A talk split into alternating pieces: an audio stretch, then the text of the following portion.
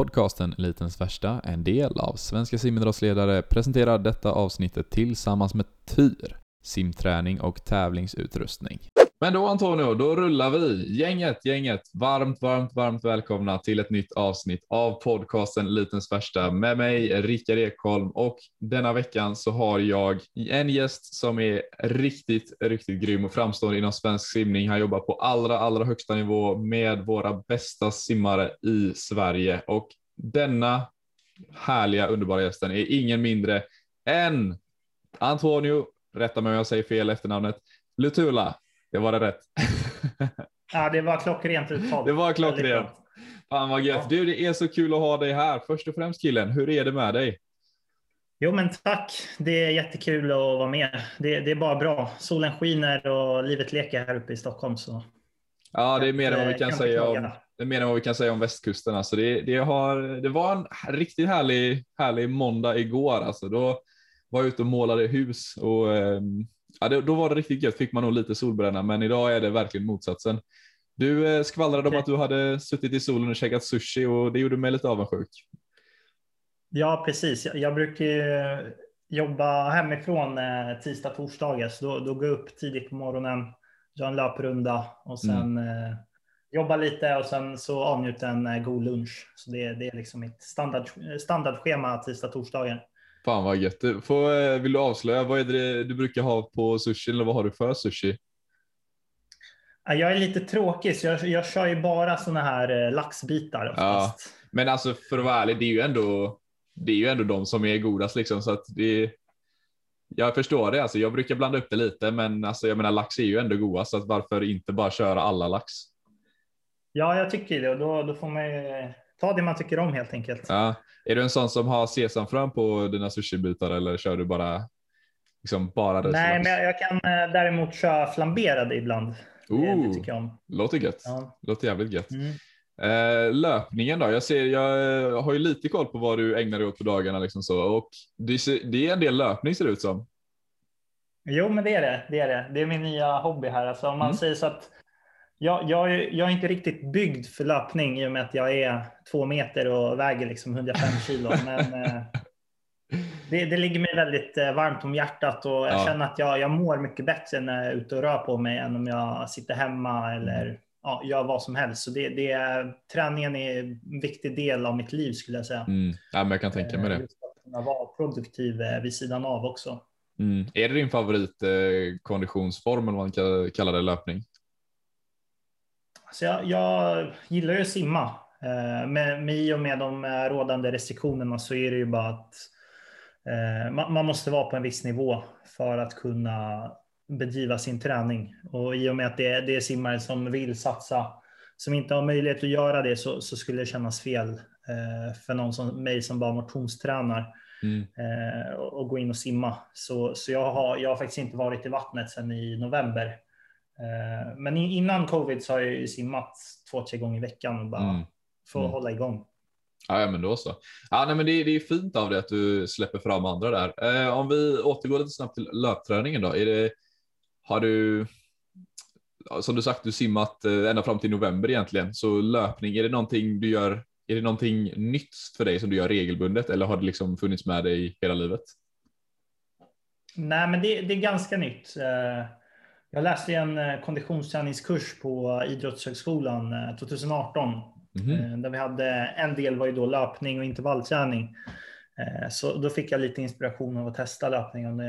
Ja, jag tyckte om det väldigt mycket, så ända sedan dess har jag väl kanske sprungit i alla fall en gång i veckan. Mm. Men nu, nu under corona så har det blivit lite mer. Så det kanske springer två till fyra pass i veckan. Ja men kanon, kanon. Har du några uppsatta mål eller är det bara att du vill bli snabbare eller, eller är det bara att du vill röra på dig? Nej, men jag, jag har ett mål, men okay. det, är, eh, det är inte tidsspecifikt. Nej, okay. eh, men innan min tid är över på den här planeten så vill jag springa 10 kilometer under 40. Det Oj, det är liksom, bra. Eh, det är riktigt bra. Jag vet inte vad mitt, jag tror mitt PB är typ 47 eller någonstans, så jag är inte i närheten, men ehm, och sen också som du säger, alltså två meter och väger 105 kilo, då, det gör det ju definitivt tuffare. Men om jag känner dig rätt så är det, du grejer ju det på nolltid. ja, men det, det kanske tar ett par år, men det, det är liksom mitt eh, långsiktiga mm. mål. Eh, Vad har du för PB nu då? Vill du avslöja det? För, för motionens skull egentligen. Mm. Vad har du för PB nu? Vill du avslöja det? Alltså jag, jag, jag, förra året så sprang jag på 44 låga. Ja, men snyggt. Så det är en bit ifrån. Men tror sakta men säkert så kan man jobba sig ner. Jag har ju köpt ett par värstingskor nu också. Ja, med så här och maxad dämpning. Så, så när, när jag ger mig på en till 10 000 så tror jag att det kan gå betydligt snabbare. Fan vad gött, fan vad gött. Um, Tony, ska vi börja så här? Vill du ge oss en liten introduktion, lite djupare om vem du är och vad du sysslar med? Ja, men absolut. Uh, Ja, Antonio heter jag. Jag jobbar ju som eh, tränare på NEC eh, tillsammans med eh, Johan Wallberg som ansvarig och eh, Carl Jenner. Eh, så det, det, är vi tre som är tränarna på plats. Eh, jag har jobbat där sedan sommaren 2018. innan dess har jag jobbat i, i Neptun med en del med Simiaden och en del med våra Sumsinggrupper där. Mm. Ja, så, så jag, är, jag, jag började jobba som tränare eh, i samband med att jag avslutade min egna simkarriär eh, 2014. Mm. Eh, så jag har hållit på nu i en sju år blir det. Eh, så jag har studerat på Idrottshögskolan. Eh, läst tränarprogrammet där i tre år och sen gjort en master i arbetsfysiologi med inriktning då träningslära. Mm. Ja, och, och, tidigare som jag sa så har jag ju själv simmat i, i en massa år, så det är mm. lite bakgrund om mig då. En träningsnörd helt enkelt.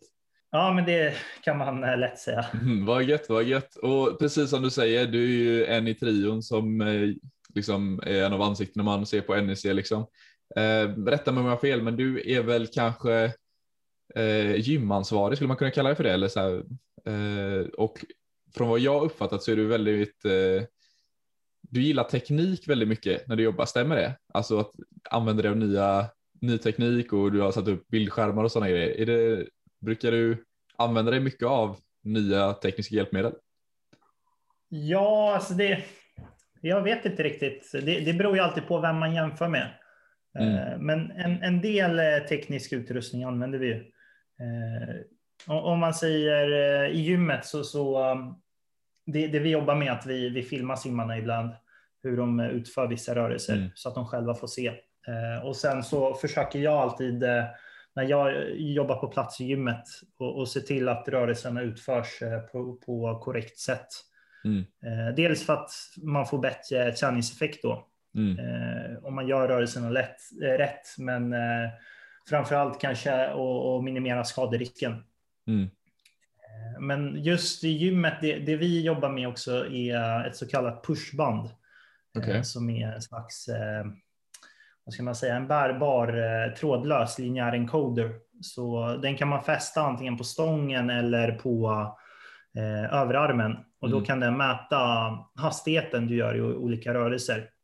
Mm. Så till exempel om du kör frivändningar så, så kopplar du det här bandet till din telefon, ställer in vilken övning du gör vilken vikt du jobbar med och då kan du utifrån hastigheten och belastningen beräkna eh, power till exempel. Mm. Eh, och det, det, det, är någonting som vi jobbar med, men bortsett från det så skulle jag inte säga att vi, vi jobbar supermycket med, med ny teknologisk utrustning. Mm. Nej, okej. Okay. Det är det gamla goda som gäller och det verkar ju på resultatet som man ser ifrån era grymma simmare eh, funkar väldigt effektivt. Eh, du, jag tänker så här Tony. Um, jag tänker att vi ska komma igång med det lite på riktigt och snacka mer om allt detta alldeles strax. Men innan det så ska vi rulla en vignett.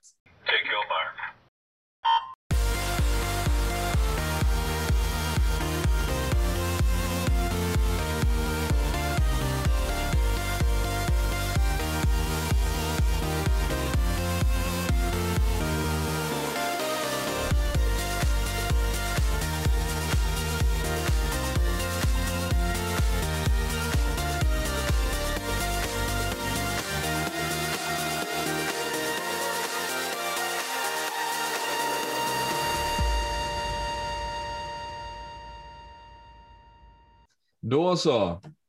Då har det blivit dags för ett av de första momenten som heter standardfrågor. Så då ska jag ställa mina fyra stycken standardfrågor till dig Tony. Hur känns det? Känns det okej? Okay? Ja. Gött, ja jag, jag, har ju ingen aning om vad de här standardfrågorna är. Jag, jag har inte gjort min hemläxa, men eh, Va? Vad fan säger du? ja, ja, men då blir det, det kanske blir mer genuint då, vem vet? Ja, ja, här kommer ja. första i alla fall.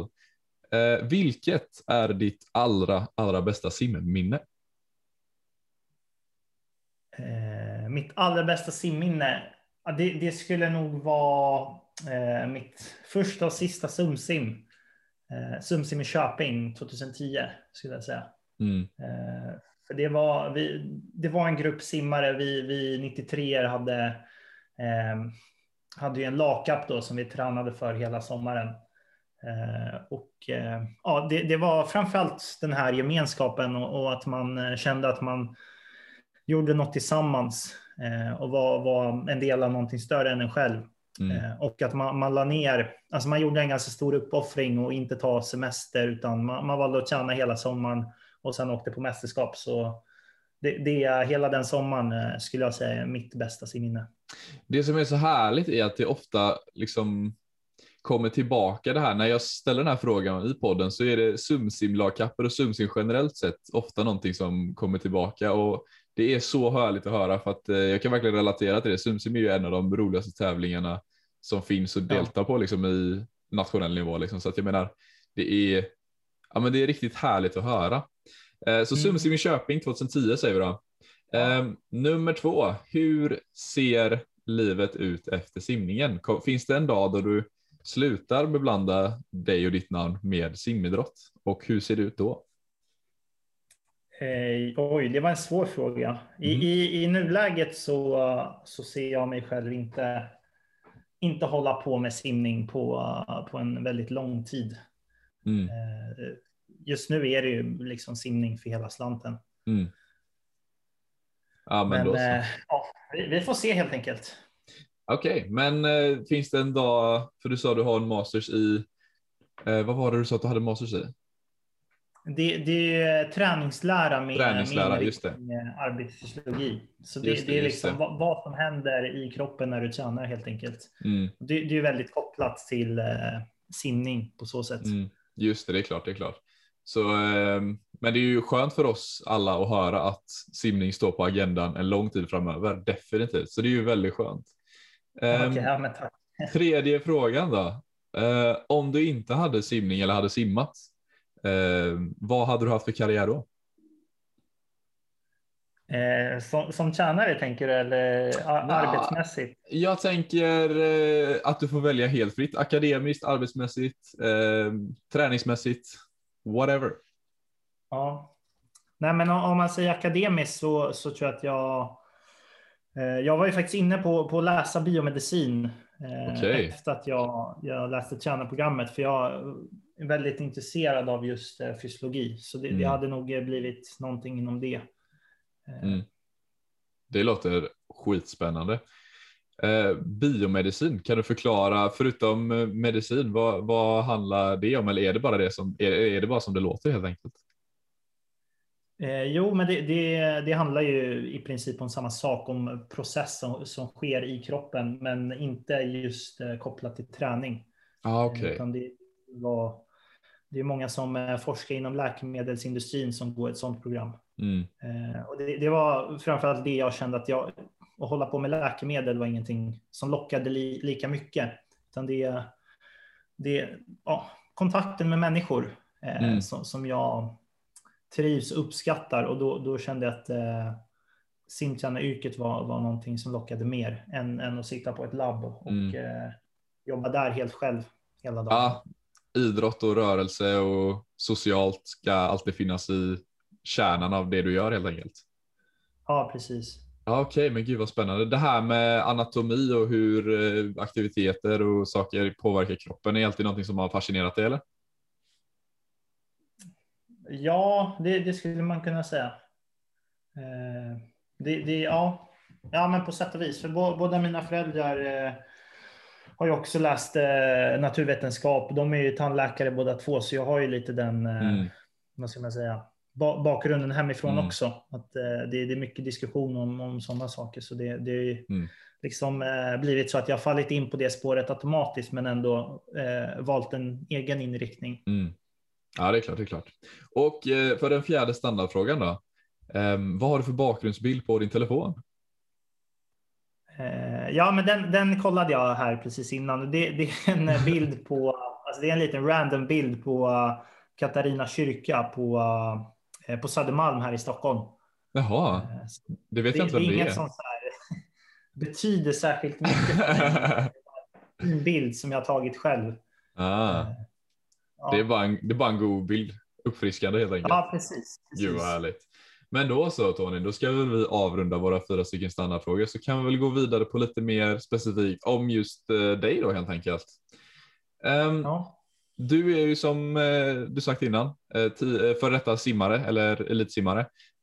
och mm. jag tänkte vi skulle börja titta lite på, på din egen karriär. Um, Neptun, ja. var det där allting började? Ja, det var det. Det var det. Men det, det, var ju väldigt länge sedan. Mm. Eh, jag, eller det, det började väl med att jag, jag, simmade mycket med pappa när jag var liten. Mm. Eh, så då var jag ju redan, vad, kan ha varit, sex, sju, åtta år gammal. Då gick vi till simhallen ett par gånger i veckan och, bara simma. Det var ju alltid så att jag ville leka äventyrsbad. Men eh, ja. det, skulle man avverka en typ 10-20 längder bröstsim innan mm. man fick det. Eh, Just det. Så, så, det var ju han som lärde mig att simma. Eh, och sen eh, när jag var, vad kan jag varit, kanske 10, 10, 11, 12. Då så började jag simma i en sån här medleygrupp som var onsdagskvällar. Okay. Och det, det, tyckte jag var jättekul, men det, det, blev alltid så sent på kvällarna så till slut så, så orkade jag inte med det längre. samtidigt som jag hade många kompisar i klassen som spelade fotboll. Ja. Så, så då slutade jag med simningen i ett par år började spela fotboll istället. Eh, och sen när jag var, så det här var ju ganska sent, det var, jag, jag hade nog fyllt 15. Mm -hmm, okay. eh, då, då, bestämde jag mig för att sluta med fotbollen och eh, ta upp simningen igen. Eh, och, och, då var det liksom bara en fast track på simningen. Mm. Så, så då var det ju simning nästan för hela slanten mm. på en gång. Hade Men, du sån, på så eh, sätt så började det väldigt sent. Mm. Verkligen, verkligen. Hade du en sån megautveckling då första, första tiden när du kom tillbaka då att du bara droppade 10 sekunder i pers på 50 varje träning liksom? Eller hur såg det ja, ut för alltså dig då? Nästan, nästan. Mm. För jag, jag kommer ihåg att jag, jag gick i nian då, då, då ringde jag till eh, Neptuns kansli eh, och då kom jag till eh, Ann Forsell Mm. Eh, och det, an, på den tiden så, så uh, kände jag an elitgruppen i Neptun och då, då var det, ju, det här var ju under Neptuns storhetstid när, när man hade Stefan Nystjärn, Petter Stymne, Simon Sjödin, alla de här som simmade mm. OS och, VM ja. liksom. Eh, så kom jag fram till henne och jag bara, men hej, jag skulle vilja börja simträna liksom. Hon bara, men eh, ja, du, du pratar ju med Ann Forsell, det är ju jag som tjänar OS-simmarna, så jag tror inte att jag är rätt person för dig. Men eh, så kopplar hon vidare till eh, C-gruppstjänare. Mm. Eh, och på den tiden var det Bosse Westergren. Okay. Då pratade jag med honom så fick jag komma och provträna. Ja, och då, då la de mig i en grupp med alla 97 och 98 och mm. jag är ju själv 93 så ja. jag, är, jag var ju liksom två huvuden längre än alla andra. Ja. För att de, de tyckte att jag, det var viktigt att sätta tekniken först och det, ja. det tackar ja, ja. mycket än idag för. Eh, så, så då fick jag tjäna där i ett år i den här gruppen där alla var fyra, fem år yngre. eh, och, och, för mig var det liksom bara att jag, jag ville utvecklas så snabbt mm. som möjligt bara för att kunna lämna den gruppen. Mm. Eh, för att få träna med dem i samma ålder. Så fr från att jag började simma där på riktigt våren 29 eh, eh, så, så simmade mitt första SM på hösten 2010. Så det, mm. det var ju en jättesnabb utveckling. Ja, verkligen. Shit alltså. Hur kommer du ihåg på ett ungefär, eh, om jag har förstått det rätt, var det frisim som gällde för dig? Ja, frisim och ryggsim var det. Frisim och ryggsim. Kommer du ihåg på ett ungefär hur många hur många sekunder du droppade på kanske 100 fritt eller 100 rygg? Ja, men det var ju. Första tävlingen var ju, om jag minns rätt, det var typ så här Neptuniaden i långbana Ja, 2009. Mm. Eh, och då, då simmade jag 100 frisim på morgonen där och då, då hade jag typ 1,09 i långbana. Ja. Eh, och blev diskad för tjuvstart för att jag Okej. inte stod still i starten. Ja. Eh, Så jag var jätteledsen över det. Och sen dagen efter, då var det 50 frisim och då hade jag 30 och delar. Ja. 30,5 tror jag i lång. Eh, Och sen SM året efter, då, då hade jag ju 27,3 på 50 ryggsim. Oj Eh, i kortbana. jävlar alltså. Ja, så det, det var en jävligt bra utveckling. Ja men det Ja, måste bara synd ju. att man inte kunde hålla i den eh, trendkurvan. Liksom. Ja men nej men alltså oironiskt så måste väl det vara en av de alltså snabbaste utvecklingar inom svensk simhistoria. Alltså på det, i den åldern på den nivån liksom. Aldrig hört Ja, något men det, liknande. det hade varit Sjukt kul, imponerande. kul att se faktiskt. Ja, verkligen, verkligen. Sjukt imponerande alltså. Ehm, vad var det som fick dig att lägga ner 2014? Eh, ja, det, det var en kombination av eh, många saker. Eh, men det, det var dels var att jag började studera och eh, ja, ville lägga lite mer tid på det. Eh, och sen så hade jag haft en, eh, en period där, där jag kände att jag inte utvecklades eh, i simningen och det var liksom inte, fanns inte samma glädje eh, till simningen.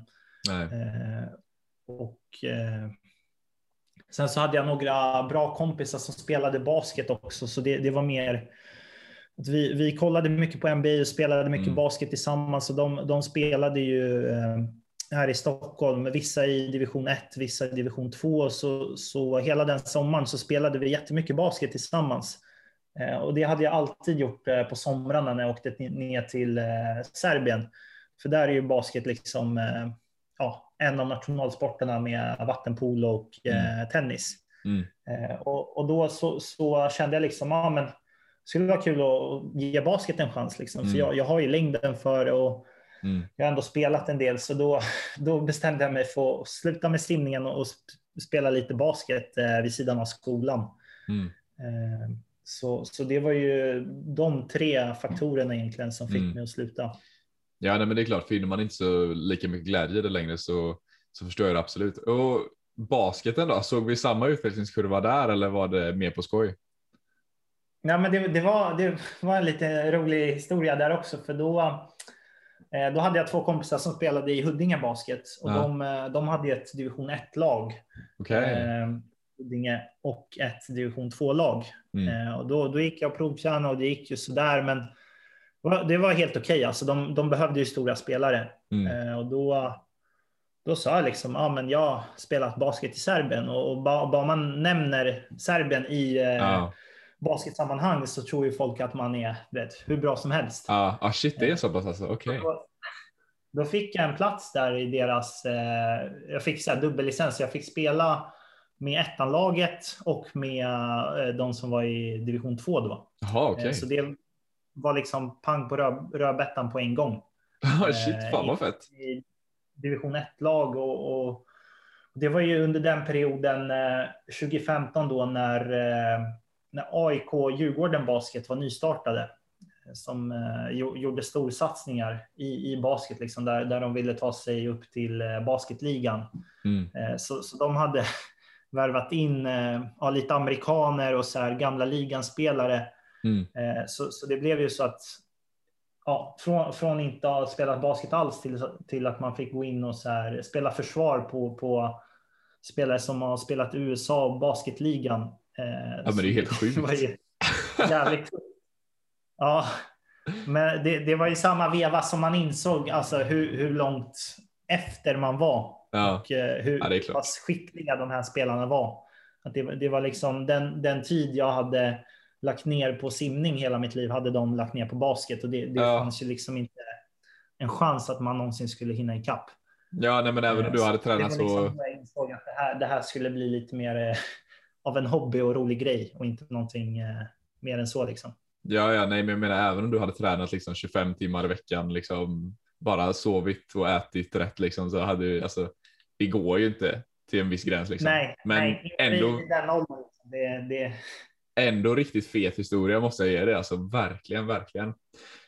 Um, och sen då så um, ja, började du röra dig ganska mycket mer i simidrottskretsar som ledare. Um, ja.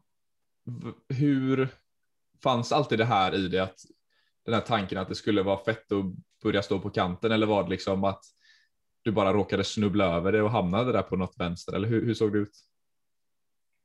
Nej, men jag, jag har ju alltså ända sedan jag, jag simmade själv så, så har jag alltid eh, i Neptun så har man ju alltid haft så att man vill att eh, simmarna ska engagera sig som tränare också. Mm. Eh, så ända sedan jag simmade sumsim så har jag ju alltid eh, tränat yngre simmare i så här, simiaden och medleygrupper mm. en gång i veckan. Eh, och det, det, var alltid någonting som jag fann njutning av och, och kände att, att man kunde påverka där och, och hjälpa de simmarna.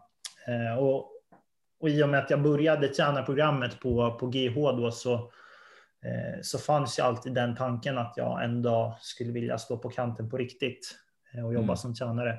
Mm. Eh, och eh, ja, då, då kom en öppning där, eh, tror jag var 2016, eh, när en Lee, Lee Williams hette han, han var ju ansvarig för Sumsinggruppen i, i Neptun mm. då. Han skulle gå på pappaledighet och då, då fick jag och Kevin Tovaldsson som är huvudtränare i Neptun nu, fick vi möjligheten att, att dela på, på ansvaret för den här Sumsinggruppen tillsammans. Eh, och, och, det var ju liksom eh, där det stora klivet in på, på tränaryrket blev för mig. Mm, verkligen, verkligen. Och alltså tränaryrket är ju så komplext. Man måste ju ändå ge det till alla, alla tränare i Sverige att det, det är ju absolut inte ett lätt yrke. Men det är ju alltid från psykologi till liksom kunskapen om anatomi och liksom kunna motivera och inspirera och sådana grejer.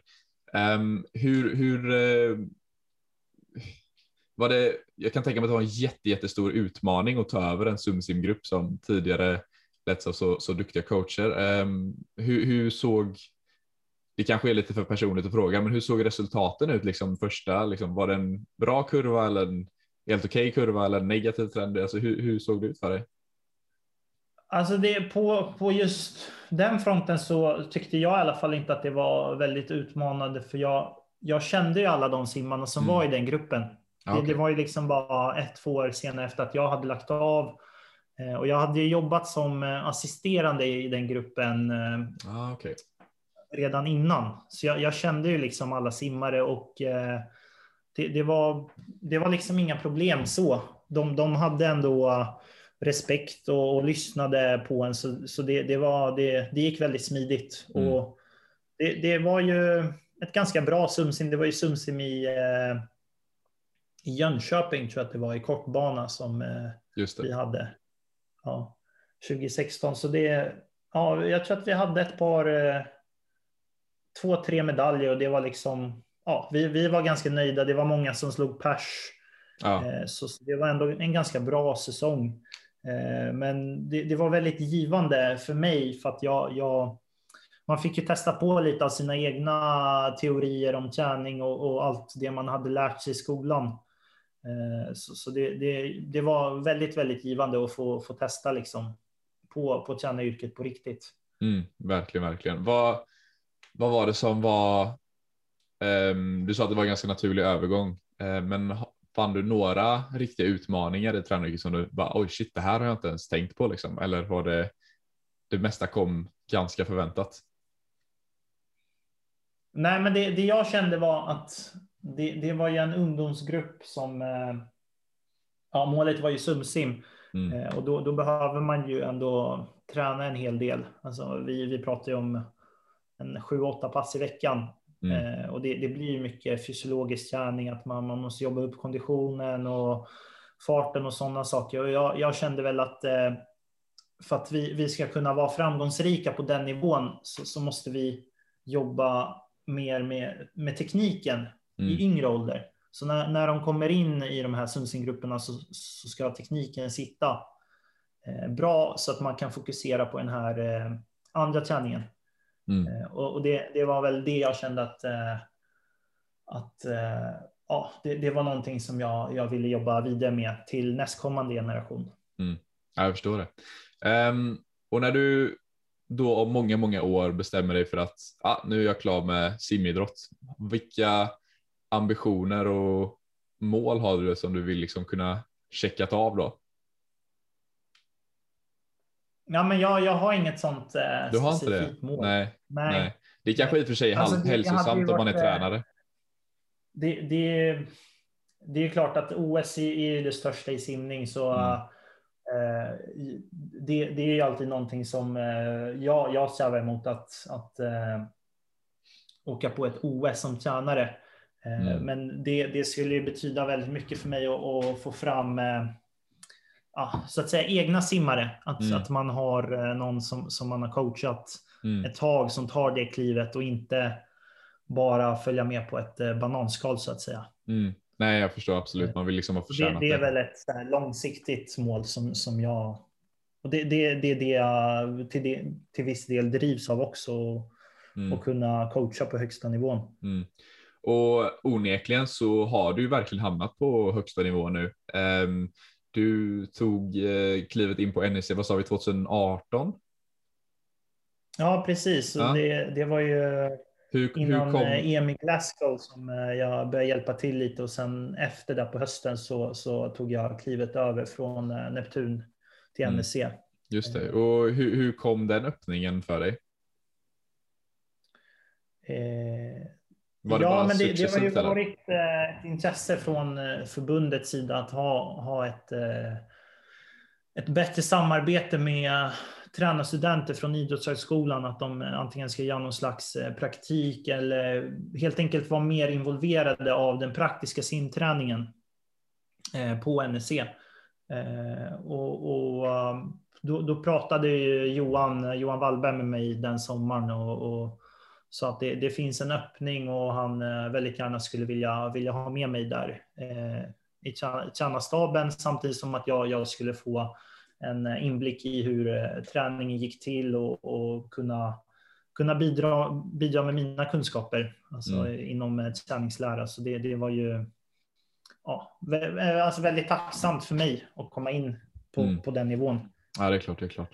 Eh, hur skulle du beskriva din roll på NEC? Ja, men dels som du nämnde innan så, så har jag ju hand om styrketräningen för de flesta där. Mm. Eh, och det, det, är, det är ju Isak, Michel, Gustav, Johannes, eh, Tiffany, Linnea som jag har hand om. Eh, mm. Robin och Sara Junevik kör ju styrka utifrån eh, SOKs eh, mm. ja, eh, vad är det? juniorprogram då. Just det. De har ett program som eh, de kör eh, över alla idrotter som, som är i den här gruppen jag tror den heter Topp och Talang eh, Just det. 2022. Ja. ja, jag tror också så det är något sånt. Samma styrka som, eh, ja, som, som ingår där i SOK. Och sen så, så kör ju Sara Sjöström då lite specialstyrka nu i och med hennes eh, armbågsfraktur.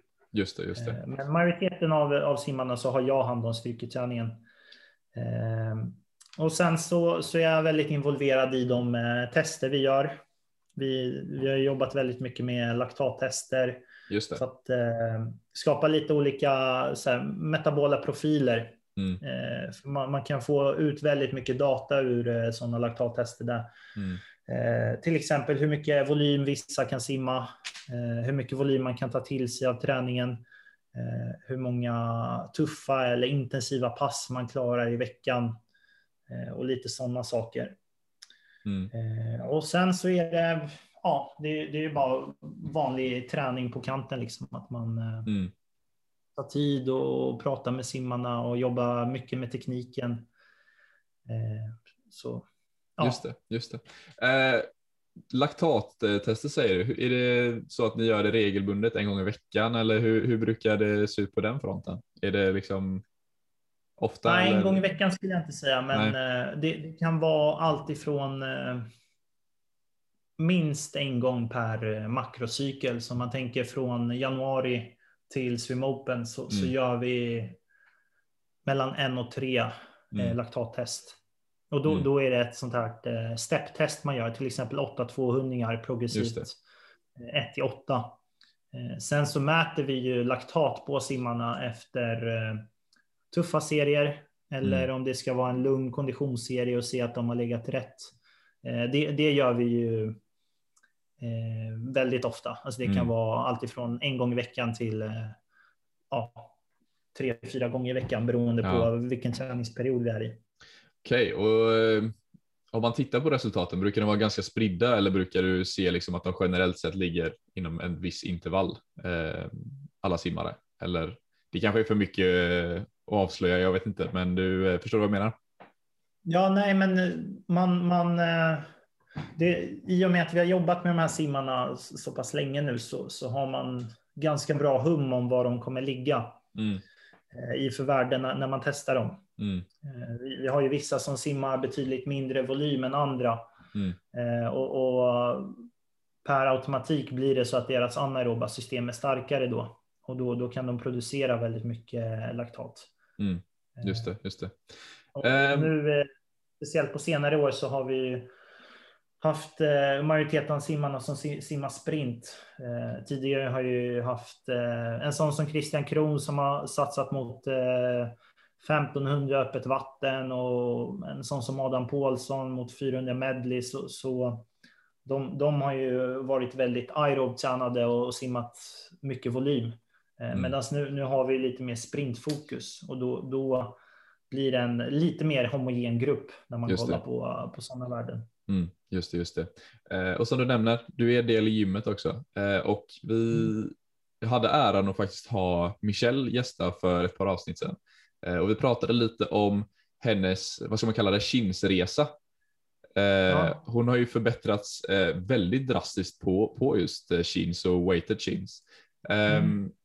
Är det någonting Alltså just det här med weighted chins, är det någonting du rekommenderar för alla simmare att jobba på mycket eller är det mest specifikt för kanske sprinters eller för dem på just NEC eller hur, hur ser du på det? Ja, men man, man kan ju säga att den, den övningen som eh, styrkeövningen på land som korrelerar bäst med fri simhastighet, det vill säga hur snabbt du eh, simmar, inte hur, hur bra du skjuter ifrån eller startar, utan just fri simhastighet så är ju eh, hur mycket du tar i en etta, alltså mm. one repetition max i chins, det är den övningen som korrelerar bäst. Mm. Eh, så, så om, man, om man lyckas förbättra sin maxstyrka i gymmet mm. eh, och sen lyckas överföra den här styrkan in i vattnet eh, så kommer man förmodligen simma snabbare. Mm. Och det, det är någonting, om man, om man pratar om Michelle så, så har ju det varit lite av hennes svaghet tidigare, att hon, hon har liksom inte haft den styrkan mm. för att kunna simma på de, de tider hon, hon, har velat. Och då, då så gjorde jag en satsning helt enkelt och dra ner på volymen i vattnet eh, och, och, öka antal gympass. Mm. Eh, och, och det, det, gav ju väldigt bra effekt just, just för henne. Eh, om man pratar 50-100 frisim. Mm. Nej, men jag tänkte precis säga det. När var det ungefär i tiden? Var det innan där hennes fantastiska världscup eller var det under den? Eller hur, hur, när ungefär i tiden la ni den satsningen? Ja, det, det var ju. Det var ju de, de, hon åkte ju på VM i Guangzhou där 2019 mm. eh, och simmade kanske inte riktigt så som hon hade hoppats på. Eh, och, och, så tog hon. Eh, så var det ju världscupen i Tokyo en vecka efter Eh, och där fick hon ju till det riktigt bra, mm. gjorde 24-5 om jag minns mm. rätt på 50 fritt. Eh, och vilket var en jättebra utveckling. Ja, ja, verkligen. Innan 2019 hade hon ju inte ens eh, gjort under 25 på 50 fritt i långbana, så han, redan där hade hon ju förbättrat sig med en halv sekund.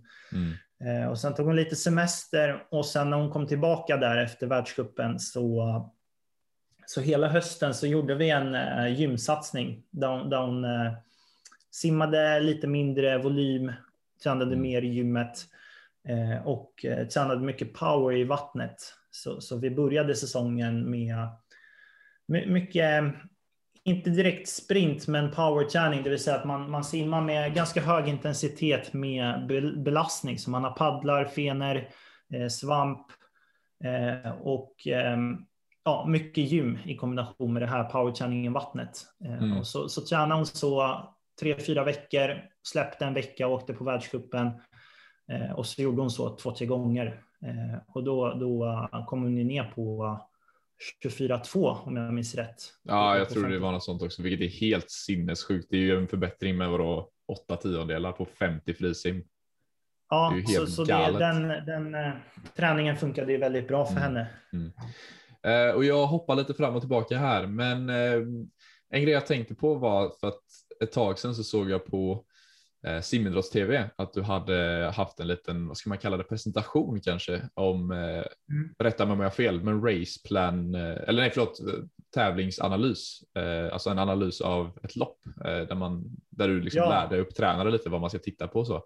Eh, vill du gå mm. igenom lite, lite snabbt vad, vad du generellt brukar titta på, speciellt lite extra och som kan man kanske inte tänker på när man tittar på en tävlingsanalys, en videoanalys? Ja, eh, om man kollar på, på en sån eh, raceanalys som vi kallar det så är det ju att eh, vi som gör de här analyserna filmar ju loppen eh, och sen så använder vi oss av ett dataprogram där vi beräknar då simhastighet för varje längd, mm. Armtagsfrekvens och när man känner till simhastigheten och armtagsfrekvensen så kan man beräkna armtagslängden Mm. Eh, och det, det, är egentligen armtagslängden som eh, i regel urskiljer en okej okay simmare och eh, de som är riktigt bra. De som, mm. kan ta, de som tar medaljer på, på internationella mästerskap är att de flesta klarar av att simma med en hög frekvens. Det, det kan ju liksom en motionär göra. Mm. Att simma med en hög frekvens med en bra armtagslängd. Det, det är det som urskiljer. Mm. Så, så, det är någonting vi räknar på som presenteras kvantitativt, det vill säga att man får en siffra på det i en sån raceanalys. Eh, så, så det är en väldigt viktig eh, komponent. Och sen så kan man också beräkna ett värde som kallas eh, stroke index eller stroke efficiency. Eh, och det, det, är ett värde som säger hur, hur tekniskt effektivt man simmar. Mm. Eh, och, och, den beräknar man genom att multiplicera simhastigheten och armtagslängden. Ja, just det. Det är mm. klart. Ja, just det, just det, just det. Eh, och någonting som du säger ja. där som jag tycker är väldigt intressant det här med armtagslängden eller DPS eller vad man ska kalla det. Jag läste för ett tag sedan, det var ganska länge sedan nu, en artikel om en analys av Adam Pitis bröstsim, hans 100 bröstsim. Eh, och generellt sett om man har fördomar om Adam Pitis så kanske man tänker att han är liksom simma på raw power hög frekvens och sådana grejer. Men det som var så just precis som du säger eh, så imponerande är att han har högst frekvens, men han har också högst DPS i startfältet, eh, vilket man kanske inte tänker när man tänker Adam Peaty, men och det är ju det som du säger uppenbarligen DPS och armtagslängd så jäkla viktigt. Så det är, är det det du kollar på mest tillsammans med stroke efficiency kallar du det? Ja, sen så, så har vi också så att vi kollar på Alltså i sprintlopp så är ju tiden till 15 väldigt avgörande. Mm. Kan, du, kan du ha en snabb tid till 15 så kommer du med all sannolikhet också vara snabb eh, in i mål vid 50 meter. Så det, mm. det är någonting som är väldigt relevant i sprintsimning. Sen så räknar vi också på vändningstider där vi har 5 eh, in, 15 ut mm. som, en, eh, som ett standardsegment. Så allt det här får man i en sån här raceanalys och det, det är någonting vi har jobbat med från förbundets sida och försöka främja den här eh, användningen av eh, raceanalyser både hos eh, tränarna och hos simmarna själva. Mm. Att de ska lära sig att förstå vad den här datan säger och sen kunna eh, ta med sig den hem och försöka förbättra de här parametrarna där, där, de, där de tappar hastighet eller vad som helst under loppet. Mm, mm, verkligen. Är det någonting du har sett det kan vara eller någonting du eller simförbundet identifierat att det är liksom lite bristfälligt på eh, liksom hos vissa tränare eller simmare att man använder sig för lite av de här hjälpmedlen, alltså liksom generellt?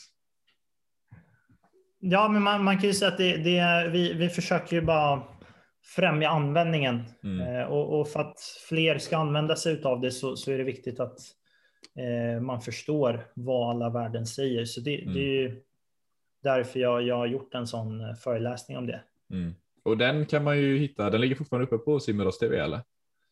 Ja, det, det, finns ju en hel del. Det finns ju eh, simsets föreläsningar där, där jag går igenom eh, eh, olika teknikövningar i, Mm. i fjäril och, eh, fjäril och frisim. Eh, Mm. ja, framförallt teknikövningar som vi på NEC jobbar med. Mm. Eh, vad, vad man ska kolla efter och, och vad, vad de har för syfte till att förbättra. Eh, Mm. Sen så, så vet jag att Sverker Maltesjö som är tränare i Helsingborg har gjort en, eh, en föreläsning om eh, bröstsim Mm. från, från samma utgångspunkt. Då. Mm. Ja, och, och så har vi en startföreläsning med lite Mm. ja, tips och teknikövningar man, man kan jobba med i starten. Eh, man, man kan ju dela upp starten i olika segment. Eh, så så det, det finns en del eh, bra, bra Mm. material där på Simidios TV som man kan ta sig igenom. Där ska man ju absolut gå in och titta, både som tränare och som simmare. Ehm, vidare då. Eh, Toronto Titans och ISL är någonting jag skulle vilja snacka om lite. Ehm, Hur var det? För och, om jag minns helt rätt så var du ju faktiskt där och hjälpte till eh, en del vid sidan av Toronto Titans. Eh, jag, återigen vet jag inte exakt vilken, vilken roll du hade. Eh, så vi kan väl börja där. Va, hur, hur kom det uppdraget upp och kan du ta oss igenom det? Eh, Ja, det, det var ju Mi- Michel som fick eh, en förfrågan att vara med i Toronto Titans eh, och, och då fick hon också eh, chansen att ta med sig en av sina så kallade hemmatränare. Mm, Eh, och, och ja, då, då frågade hon eh, mig helt enkelt om jag ville hänga med på det här eh, uppdraget som, som tränare, eh, som hemmatränare för Michel då. mm, och det, det tyckte jag var en fantastisk möjlighet, så jag, jag tackade naturligtvis ja till det här. mm, och, och ISL skulle ju gå så att jag tror att SM skulle börja någonstans vecka tre eller fyra under ISL. Oj, vänta lite nu. Nu bröt du en del i inspelningen. Oj, Nu, nu ska vi se. Nu är du tillbaka. sorry. Nej, det gör ingenting. Eh, Ja. Vi var och Nej, pratade men där om... planen från början var ju att jag skulle vara med där i, i två veckor, men i och med att blev, eh, SM blev inställt så, så, eh, så var jag ju med från hela perioden då eh, för, för Toronto. Och Mm.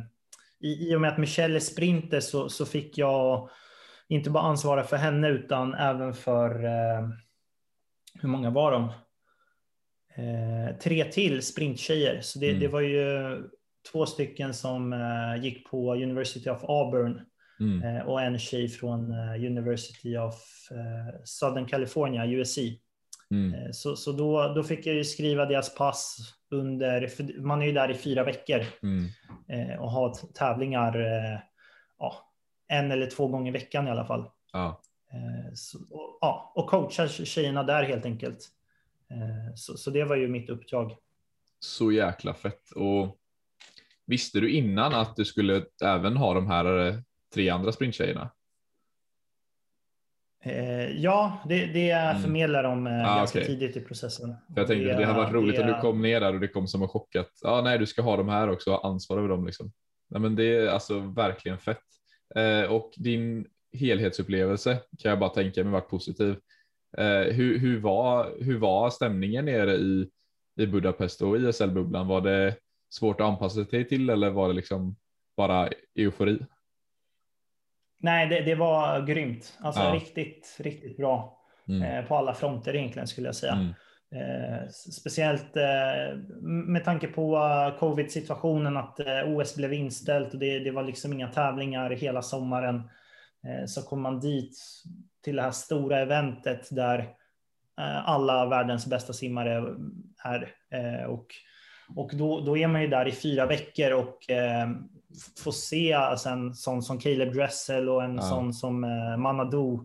Ja. Eh, Man, man ser när de värmer upp, ser när de går in och racear, pratar med sina tränare, badar av. Så, så man får ju liksom en eh, helhetsbild av allting.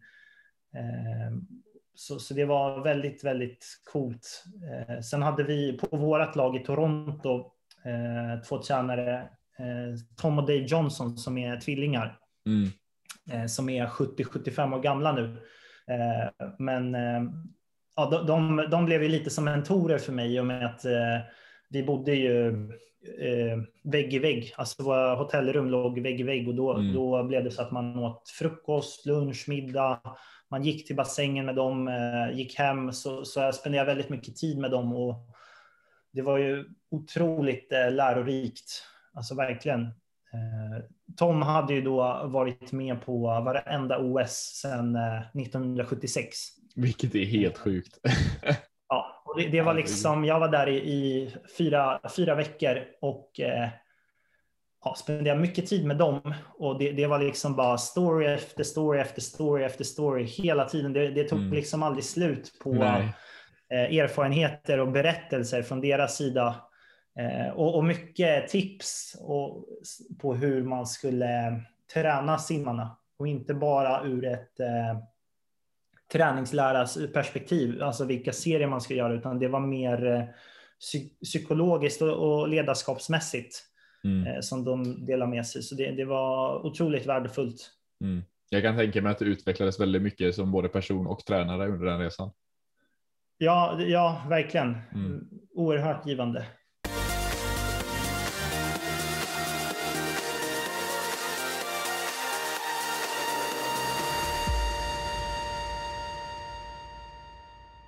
Men då så killen, eh, ska vi gå in på vad det ska handla lite specifikt om idag? Eh, nämligen dina allra värsta lopp någonsin. Och jag tänker, här har du haft, du har haft en ganska givande egen karriär, men du har ju också haft en, eller du har ju en pågående karriär som tränare också, så jag tänker du får välja lite hur du vill göra där, om du vill ta ett av dina egna lopp, eller om du vill kanske eh, inte outa en av dina simmare, men liksom berätta om en gång då då du som tränare har varit liksom, men vad i helvete håller han eller hon på med? Så du får göra lite, lite som du vill där tänker jag. Eh, har du någon historia för oss som du vill dela med dig av? Ja, alltså jag, jag har ju många dåliga lopp att dela med mig av, av Mm. mina egna. Eh, men kanske det, det värsta loppet för min del var ju på uh, Sumsim region 2009 i, i Järfälla. Okej. Jag kommer ihåg. Och det, Mm. det här var ju ett hemskt lopp för jag, jag hade ju liksom, jag var så taggad för den här tävlingen. Eh, Ja, vänta lite nu. innan. Och- Det här var precis när du hade börjat simma igen va? Ja, precis. Jag Just hade börjat det. där på våren och sen på hösten så var det ju Sundsim region och då tänkte jag så ja, men Ja. det är ju här man ska kvala till riks och ja, det, det är liksom här man ska vara i toppform. Mm. Eh, och då helgen innan så insjuknade jag eh, med någon ganska så kraftig förkylning, men eh, redan på onsdagen så började jag känna mig bättre. Okej. Eh, och, Ja. och, så det, tävlingen är ju på lördag och då, då går jag upp så här på lördag morgon. Bara okej, shit, vi får se hur det här går. Mm. Eh, och, och region börjar ju alltid med 200 medley. Så jag Just var det. anmäld på 200 medley och jag, jag åker ut i till Jakobsbergs simhall och ja, alltså, jag känner mig inte helt hundra, det gör jag inte, men jag Nej, tänker okej, så här, ja. men det här kan ju gå. Ja. Eh, så jag hoppar in på fjärilet och bara, ja, men jag, jag ska liksom inte eh, maxa här, jag ska bara ta mig igenom fjärilet så trycker jag på mot slutet. Ja. Eh, Och fjärilet går utan problem. Och sen när, när jag kommer in på ryggsimmet eh, så, så känner jag okej, det, här- det här är ju tuffare än vanligt. Ja. Och någonstans där när, när jag ska gå in mot bröstningsvändningen så bara känner jag alltså så här hur det hur alltså ens vision bara börjar smalna av. Liksom. Ah, oh, Och så gör jag bröstnings, eh, rygg till bröstvändning och så ska jag göra dubbeldraget. Men alltså jag har inte energi så jag, jag, Ja. jag bara gör en breakout liksom. Ja. Skiter i Ja, jag, dubbeldraget. jag förstår det. Ja. Eh, jag, jag har ju kantbana där på bana ett, kommer jag ihåg. Och då, då har jag mina eh, lagkamrater från Neptun som skriker och hejar eh, när jag ska simma bröstsim. Men jag, alltså det blir typ som att jag simmar någon slags kärringsim. För jag, jag har Ja. liksom inte kraft att ta mig upp ur vattnet. Och det, det, var, men det var så hemskt. Eh, och, och, och till slut kom jag in på frisimmet där, eh, alltså långt, långt efter alla andra. Ja. och bara började hosta och så hostade jag upp en så här, ja men typ två, två centimeters grön så här slemboll. Oh. Ja, det var, det var inte mysigt alltså. Nej, shit, jag Eh. förstår det alltså. Herregud. Ja, så det, det var nog eh, ja, ett, ett dåligt lopp som jag kan dela med mig av. Ett dåligt lopp som du kan dela med dig av. Men jag, alltså jag är fortfarande så himla imponerad av dig att du, du liksom börjar ta tag i simningen igen efter ett uppehåll på vadå, ett par år liksom på, på vårkanten och sen går in på ett sumsimregg med ambitionen att ja, jag ska, jag ska ta mig till riks, det är inga konstigheter liksom. Efter du dessutom Ja. varit sjuk alltså. Det är helt fantastiskt. Men då, men det, det var ju, jag bröt den tävlingen. Det var liksom, Mm. Jag var inte frisk då, så det, det var ju bara hem och vila. ja, jag, kan, jag kan tänka mig det, jag kan tänka mig det. Och, och det bästa loppet var ju inte mitt eget lopp, utan det, det var ju... Jag var ju med som tränare på junior-EM i Kazan 2019. Ja, just det. Fan, vad och då, då, uh, då åkte jag ju som ansvarig för... eh, jag, jag hade ju tre uppgifter, eh, Mm. varav en var omvärldsbevakning och försöka scouta lite och se hur eh, andra nationer jobbar med uppvärmning, avbad, Mm. eh, raceförberedelser. Och, och det som, som eh, framstod där var ju att Storbritannien jobbar stenhårt med uppvärmning. Mm. Okej. de hade medicinbollar med sig och, och gjorde så här gedigna uppvärmningsövningar eh, och, och en så här väldigt seriös landkänningscoach.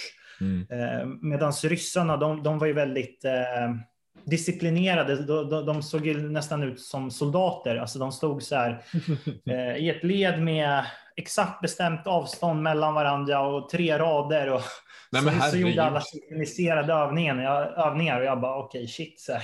Det här ser ju nästan sjukt ut men ja, det var coolt. Eh, Ja, och shit, sen så, alltså. så hade jag eh, min andra uppgift där var att ha hand om eh, raceanalyserna. Mm. Eh, Det var inte jag som gjorde dem, men jag, jag skulle förmedla raceanalyserna som gjordes här eh, hemma i Sverige på plats eh, till tränarna eh, Mm. på, på junior-EM. Så om det var någon som inte förstod något värde eller sånt så, så skulle jag liksom förklara. Ja. Och, och min tredje uppgift var då att eh, ha hand om eh, Robin Hansson. Mm. Eh, för Robin hade ju då eh, börjat träna en del på, uh, på NEC Japp. redan där eh, våren 2019. Eh, och vi, jag och Robin hade vä- väldigt bra kontakt så där och, och då, då, då fick jag ju åka på det mästerskapet med honom och, han hade väldigt bra början. Redan första dagen så, så kom han trea och slog pers på, Mm. på 400 frisim. Mm. Eh, och sen så var det 100 frisimfinal dag tre om jag minns rätt. Och där, där kom han ju eh, tvåa. Just det. Eh, det, Det, var ja. liksom. eh, Det är det jag kommer ihåg och det var de två medaljerna vi hade.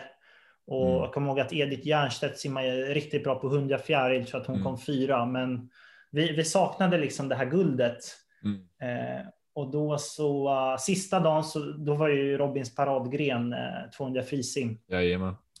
Och, och, Ja, gud, jag kommer ihåg det. Jag får gåshud när du berättar alltså. Shit. Ja. Ja, men det, det var liksom 200 frisim och vi hade ingen annan i den finalen. Så, så hela truppen var ju...